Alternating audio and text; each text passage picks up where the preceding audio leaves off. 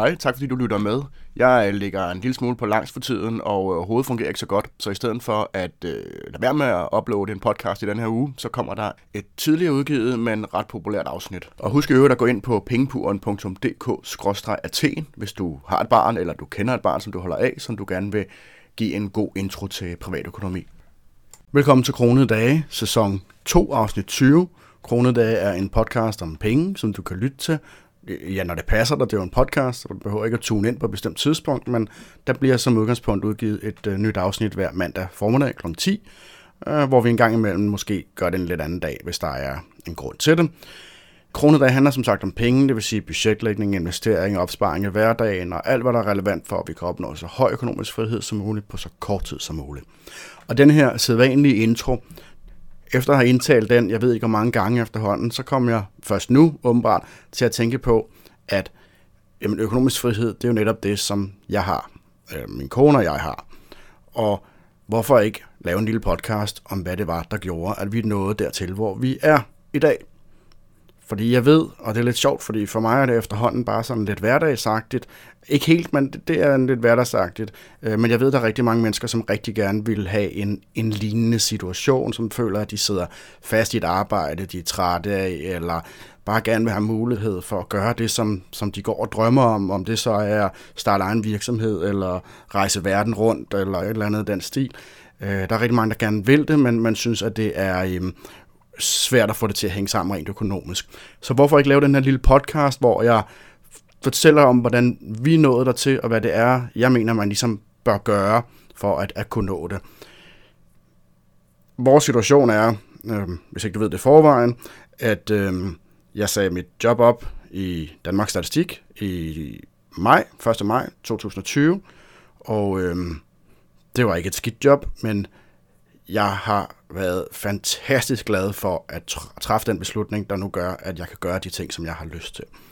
Øhm, fordi at vi nåede et, et, et, et niveau, hvor vi havde tilstrækkeligt mange penge, og vi havde også noget passiv indkomst, og vi havde lidt ting og sager, til at vi kunne gøre det, som vi rigtig gerne ville. Og det, jeg rigtig gerne vil, det er at have friheden til at arbejde, når jeg har lyst til det, lave det arbejde, jeg har lyst til, øh, med dem, jeg har lyst til, og på de tidspunkter, hvor det passer mig.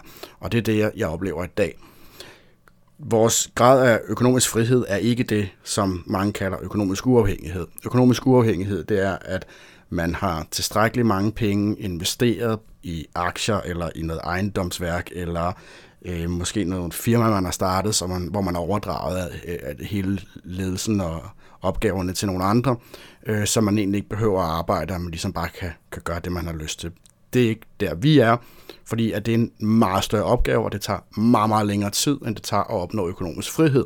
Og økonomisk frihed, det definerer jeg personligt som, at man har mulighed for at træffe de beslutninger, man vil i sit eget liv. Ikke at man ikke er nødt til at tjene nogle penge og lave noget arbejde fra tid til anden, eller, øhm, eller der ligesom skal komme nogle penge ind på en eller anden måde, men at det ikke er noget, der haster. Man, man sidder ikke i den der øh, paycheck to paycheck, som man kalder det over i de forenede stater, øhm, hvor man ligesom kan tænke langsigtet, og at man kan lave nogle projekter, som øh, måske give penge på et eller andet tidspunkt, men som måske ikke behøver at give penge nu, men som kan give penge om 5, 10, 12, 30, 24 måneder eller noget af den stil, uden at man behøver at, at stresse om, hvordan man nu skal dække regningerne øh, om 14 dage eller to måneder. Hvordan gjorde vi det? Tilbage i 2013, der købte vi vores eget hus, vores første hus i Allerød Kommune i Nordsjælland. På det tidspunkt, der havde jeg allerede i nogle år gjort det, jeg mener er den aller, aller vigtigste ting for 95% mindst af dem, som gerne vil opnå økonomisk frihed. Og det er at lægge et budget og følge budgettet, som jeg er stor fortaler for. Man skal lægge budget, man skal følge budgettet, hvis man gerne vil have godt styr på privatøkonomien. Det havde jeg allerede gjort i tre år eller sådan noget på det tidspunkt.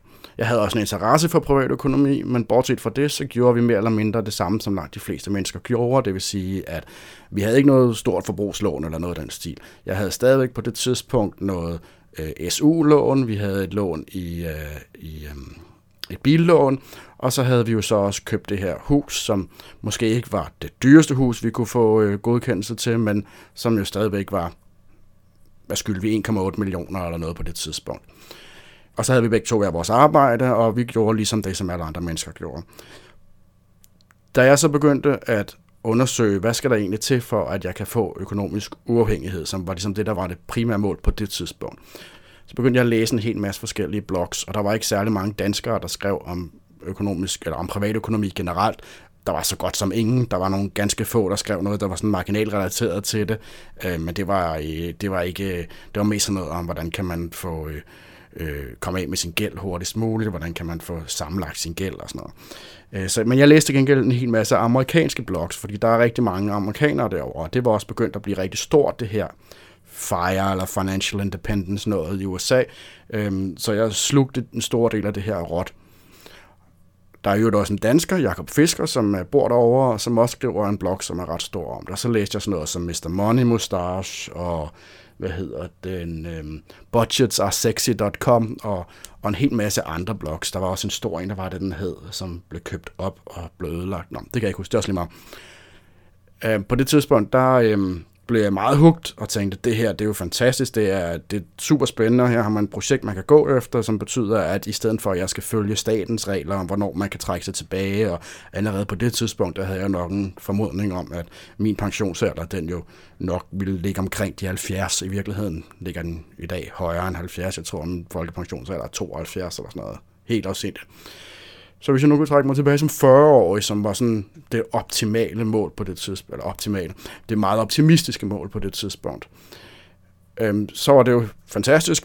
Så jeg begyndte sådan at undersøge, hvad skulle der egentlig til, hvordan laver man de samme investeringer som de her amerikanere, så fandt jeg hurtigt ud af, at man kan ikke bare øh, følge de her amerikanske metoder. Dels så, når man ser mange af de her amerikanere, som er økonomisk uafhængige, jamen altså de har mange gange tjent rigtig gode penge, og i USA, der betaler man jo en lavere skat, og ja, så er der noget med, øh, hvad hedder det, øh, sundhedsforsikringer og sådan nogle ting, øh, men hvis man tjener gode penge, så, og, og ellers har et, et, et øh, for en arbejdsgiver, som også betaler for en sundhedsforsikring og sådan noget, så kan man trække ret mange penge ud. Plus at skatten på øh, investeringer derover er betydeligt lavere, og man har, hvis man gør det på den rigtige måde, så har man også mulighed for nærmest ikke at betale noget skat især når man trækker sig tilbage og har en relativt lav indkomst. Fandt hurtigt ud af, at det kan man ikke i Danmark. Dels er Danmark ekstremt meget dyrere at bo i, og skatten i Danmark er også enormt meget dyrere. Jeg forsøgte at finde ud af, hvordan kan man gøre det her i Danmark? Er det overhovedet realistisk, og hvad skal der til for, at man kan opnå økonomisk uafhængighed? Og, øhm, og i den forbindelse så begyndte jeg at skrive om det inde på pengepuren.dk, hvor jeg sådan delte nogle af de erfaringer, som jeg havde gjort mig, da jeg undersøgte en hel masse ting om skatteregler i Danmark, og en hel masse ting, som ikke rigtig var nogen, der havde beskrevet i Danmark, eller som ligesom man skulle være ekspert i et eller andet emne, man skal være uddannet revisor eller sådan noget, for at overhovedet vide, hvordan beskatter man nogle forskellige ting og sådan noget. Så det begyndte jeg at skrive derinde, og det betød også, at jeg dels holdt mig selv sådan lidt øh, i gang. Jeg hele tiden havde fokus på det her med privatøkonomien, fordi jeg også skulle have noget at skrive om. Det første, vi gjorde, det var, at vi begyndte at afvikle gæld. Jeg kan se, at der er rigtig mange, som drømmer om at blive økonomisk uafhængige, som forsøger, og det har jeg også talt om i en tidligere podcast, et par afsnit tilbage, øhm, at der er nogen, som forsøger at, øhm, at investere sig ud af, af deres økonomiske udfordringer, eller opnå deres økonomiske drømme ved at investere penge, og, og så stadigvæk opretholde deres gæld. Det var ikke det, vi gjorde. Vi forsøgte at minimere vores vores gæld i første omgang. Det startede dels med, at vi havde den her øh, bil, og jeg tænkte, billån, det er jo simpelthen, altså det er simpelthen for tåbeligt. Så den fik vi afviklet. Og, øhm, og det jeg gjorde blandt andet, det var, at jeg skrev al vores gæld op på en, et whiteboard i køkkenet. Kunne se, hvor meget startede vi med at skylde, og og så lavede jeg en månedlig opdatering nedenunder for, hvor meget vi så skyldte efterfølgende. Og det gav enormt meget blod på tanden øh, for os, fordi jeg kunne se, hvordan, øh, hvordan sådan, hver gang jeg smed et lille beløb, smed 1000 kroner, og nogle gange 10.000 kroner i et eller andet lån, jamen så gik det langsomt nedad. Det skal siges, at min kone og jeg har aldrig tjent voldsomt mange penge. Altså jeg har haft, jeg havde sådan en almindelig øh, akademikerindkomst, øh, sådan middelniveau, måske en anelse over medianindkomsten i Danmark, men ikke, ikke meget. Og min kone havde betydeligt lavere, fordi hun havde et job, som hun godt kunne lide, men som ikke betalte så mange penge.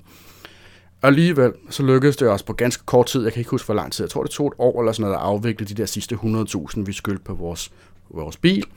Og da vi ligesom havde fået afviklet den her gæld, øhm, jamen så var der jo 2.000 ekstra om måneden, som man kunne bruge på noget andet. Og i stedet for at øge vores udgifter et andet sted, så begyndte vi at afvikle på det her øh, toplån, eller hvad det hedder, det her, der, der er over de 80% på vores, vores hus. jeg tror, vi skyldte 400.000 eller sådan noget. Og så begyndte vi bare at afvikle, vi arbejdede, og vi tjente nogle penge, og vi afviklede, og vi tjente nogle penge. Og når der kom lidt ekstra ind en gang imellem, så kommer der jo et eller andet, ikke? børne-ungeydelse, eller en gave, eller et eller andet, der kommer et eller andet ind, jamen så blev de lagt til side til en eller anden buffer, og når bufferen var stor nok til, at jeg ligesom følte mig tryg ved at trække nogle penge ud, jamen så røg de over i afvikling af, af gæld. Jeg forsøgte også at lave nogle investeringer. Jeg har længe lavet lidt små investeringer ved siden af, men det var ikke det, der var det primære fokus. Det var det, der var det mest interessante, men det var ikke der, hvor de fleste af vores penge de gik hen. I vores budget-software, øh, der kunne jeg også se, hvordan at vores, vores nettoformue, den gik fra at være sådan noget minus 100.000 eller sådan noget, og så kan jeg huske efter et år eller noget der stig, jamen så lå vi på 200.000 plus, eller 250.000 plus, eller, eller et eller andet den stil. Det er lidt sjovt at kigge tilbage, men jeg kan huske, at jeg synes, det var fantastisk at, at have en nettoformue på over en kvart million, hvor at jeg øhm, ganske få år forinden havde været en fattig studerende, som jo ingen penge havde, og hvor 10.000 kroner var en, en ufattelig formue. Og så begyndte vi sådan set bare at fortsætte med at afvikle vores gæld, indtil den fantastiske dag, hvor at det eneste gæld, vi havde tilbage, det var vores realkreditlån omtrent den tid, der var det også, at vi fik vores første barn. Det har måske været lidt tidligere, faktisk.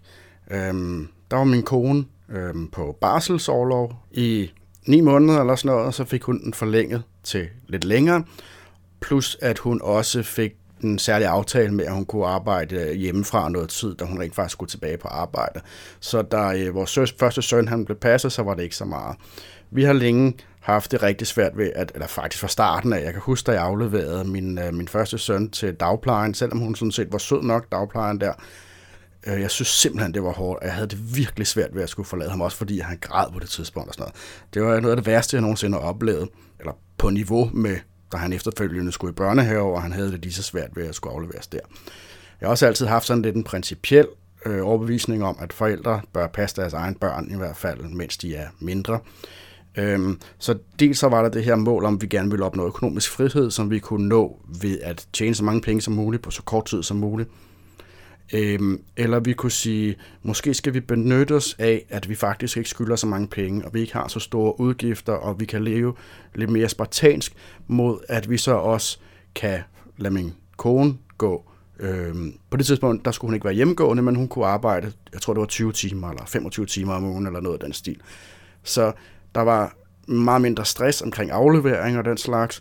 Til gengæld så tjente vi færre penge, og vi var ligesom nødt til at udskyde vores, vores, vores mål. Men det, det synes vi var det værd. Vi ville hellere have, at vi øh, var forældre efter de principper og den overbevisning, som vi havde, øh, end at vi skulle skrabe så mange penge sammen, sammen som muligt. Det fede ved det her var, at vi opdagede, at vi faktisk kunne leve billigt, og at vi ikke behøvede særlig mange ting. Det havde vi også lidt opdaget på det her tidspunkt, men, men her der var vi ligesom nødt til det, og jeg havde lavet budget for, kunne det her hænge sammen og sådan noget, men alligevel så bliver man jo sådan lidt nervøs, når man går ned i indtægt. Det gjorde vi i hvert fald. Senere så kom så Lillebror, og det har været i 2016, og på det her tidspunkt, der skulle vi så igen finde ud af, skulle han passes ude, eller skulle han passes hjemme. Og vi endte med at træffe en beslutning, der sagde, at min kone, hun blev fuldtids hjemmegående, og jeg skulle så øh, tjene de penge, som vi havde brug for. Og ja, der var noget der, altså der var en masse fordele i forhold til vores, vores principper omkring det her med, at, at folk, forældre skal passe deres eget børn, egen børn, men også at vi kunne øh, se, at der var langt mindre stress. Ikke at det er nemt at have to små børn, men at i forhold til rigtig mange forældre, som bare har det virkelig svært, fordi at hvis du har to, måske tre børn, og de skal hentes og bringes ofte forskellige steder, og man skal få det til at fungere med arbejde øh, for begge forældre.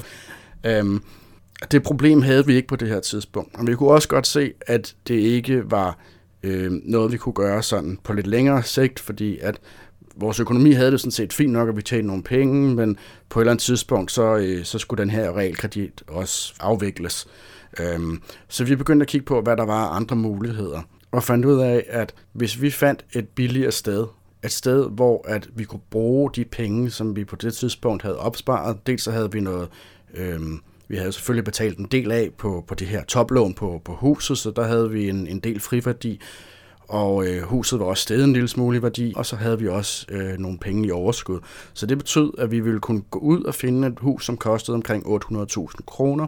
Hvis vi kunne det, noget vi kunne leve med, jamen så ville vi komme af med den aller sidste gæld, vi nogensinde øh, havde, og vi ville aldrig nogensinde behøve at, at optage gæld igen. Og det tog, jeg ved ikke hvor lang tid, at finde ud af, hvilket hus vi kunne købe, fordi at man får altså ikke meget hus for 800.000 kroner. Måske hvis man flytter ud til, det ved jeg ikke, øh, øh, nordvestlige del af Jylland og op ved Thy eller sådan noget, så kan man få noget for pengene, men det er lidt svært, når jeg på det tidspunkt arbejdede i København. Men vi kiggede, og vi kiggede, og vi var nede ved Lolland Falster også, øhm, og, og kiggede på, hvad der var muligheder der, og Vestjylland, og der var faktisk nogle muligheder, men det var svært for os at finde sådan det rigtige, også fordi min familie bor i, i, øh, i Nordsjælland, og vi ville gerne have, have relativt let adgang til dem også, og man ikke skulle køre fire timer eller tre timer. Men vi endte med at finde vores hus på Orø, som vi fik til, jeg mener, den en rigtig god pris i forhold til, hvad huset er værd. Relativt nyt hus i fin stand og en pæn størrelse grund og sådan nogle ting, men på Orø, altså det vil sige en, o, en, en ø i Isefjorden, hvor man skal, skal have en, en, en lille færge på 6 minutter, for at man kommer til øh, fastlandet eller Sjælland. Og det betød, at vi flyttede fra et hus, hvor, man, hvor der var meget gæld i det, men også hvor at der var øh, virkelig høje sådan, faste omkostninger i form af ejendomsskatten. Jeg tror, vi brugte øh, 35.000 om året på øh, grundskyld og, og ejendomsværdiskat, og, i, og det er alligevel øh, over 2.000, 2.500 eller sådan noget om, om måneden i skatter alene med at købe det her hus, som jo var, var lavt vurderet, og derfor så kostede det heller ikke det store i ejendomsskatter. Jeg mener, at vi giver 4.000 om året i den ene skat, og nogenlunde det samme i den anden skat. Så under 10.000 kroner, altså øhm, mindre end en tredjedel af, hvad vi gjorde før. Så vi havde ingen gæld, vi skulle ikke afvikle noget. Vi skyldte selvfølgelig heller ikke noget i, i bilerne, vi havde. På det tidspunkt havde vi også købt en, en bil til, fordi det var ligesom nødvendigt. Øhm, ikke nødvendigt, det var en luksus. Men, men, men klart en luksus, som vi var villige til at gå efter. Men vi fandt en brugt bil, og i mellemtiden har vi også haft et par biler der, men vi har haft købt dem altid kontant, og i stedet for at bruge 200 eller 300.000 på en bil, jamen så har vi aldrig nogensinde brugt over 100.000. Så i dag så sidder vi i vores eget hus med meget lav øhm, øh, ejendomsskatter, Øh, vi varmer op. Vi fandt en net, som kunne varmes op med, med brænde. Det er elopvarmet officielt set, men vi bruger ikke særlig mange penge på el, fordi at vi skaffer enten brænde selv, hugger det øh, fra vores eget have. Vi hugger det ikke for nogen, vi hugger det i vores have. øh, eller, eller vi køber det øh, billigt et eller andet sted. Og det betyder, at vi kan varme vores hus op til det samme, som sådan et A-rated øh, energihus eller noget af den stil, mere eller mindre. Og, og ved at have fjernet de her faste udgifter, altså store faste udgifter, eller minimere de store faste udgifter, det vil sige, at vi har ikke nogen gæld, vores transportudgifter er ikke store, og vores bolig koster ikke øh, store i, i, i ejerudgifter. Så har vi også minimeret vores budget. Jeg er ikke helt sikker, øh, men sådan fra måned til måned, så bruger vi måske en 6-8.000 kroner. Så lægger vi selvfølgelig til side til alle mulige andre ting, øh, forventede udgifter, og vi skal have en ny bil i fremtiden og sådan noget, så vi har et budget, et reelt budget, øh, hvor man tager højde for også langsigtede ting, der hedder omkring, jeg kan ikke huske, 14.500 eller noget, den stil lidt over, under 15.000 er vi kommet ned på. Og det har givet os friheden til, at vi kan leve mere eller mindre, som vi har lyst til, for vi skal ikke tjene særlig mange penge. Det sjove er, at det tog os jo omkring fem år at nå til det her øh, den her frihed. Og det er jo altså fem år ingenting. Men det gjorde det faktisk også kun, kan man sige. Det, det, skulle, det kunne have taget meget kortere, hvis ikke at det var fordi, at øh, min kone var hjemmegående, det vil sige, at det var kun mig, der tjente penge. Hvorimod langt de fleste andre mennesker, de har jo øh, øh, to indkomster, eller de, de fleste par har to indkomster, og, og kan dermed gøre det på, altså på rekordtid. Hvis man virkelig gik op i det her, jamen så, så ville de fleste familier, påstår jeg, vil kunne nå økonomisk frihed i en grad, som, som vi har, hvis de virkelig vil, og gør den indsats, der skal til, og skære ned de steder, hvor der skal skæres ned, uden at gå for meget på kompromis med de ting, man, man rigtig gerne vil have, så vil man kunne nå det på den halve tid, eller sådan noget, to og et halvt år, måske tre år. Og det, som jeg synes er lidt trist, det er, at i dag kan jeg se, hvor nemt det egentlig er, hvor lidt der egentlig skal til, fordi vi lever alligevel i et samfund, som er utrolig rigt, og som har en af de største indkomster, gennemsnitsindkomster i, ja, i verdenshistorien og i verden også i dag. Øh, og vi har så mange muligheder for at skære ned på vores udgifter. Ja, man kan ikke, man kan ikke leve uden noget, medmindre man vil øh, leve af fiske og at bo i telt eller andet stil, men man kan sagtens skære sine udgifter helt utrolig meget ned. Den gennemsnitlige danske familie, de bruger, så vidt jeg husker, jeg er ikke helt sikker, men omkring 38.000 kroner om måneden. det er jo jeg, jeg ved slet ikke, hvad man skulle bruge alle de penge til.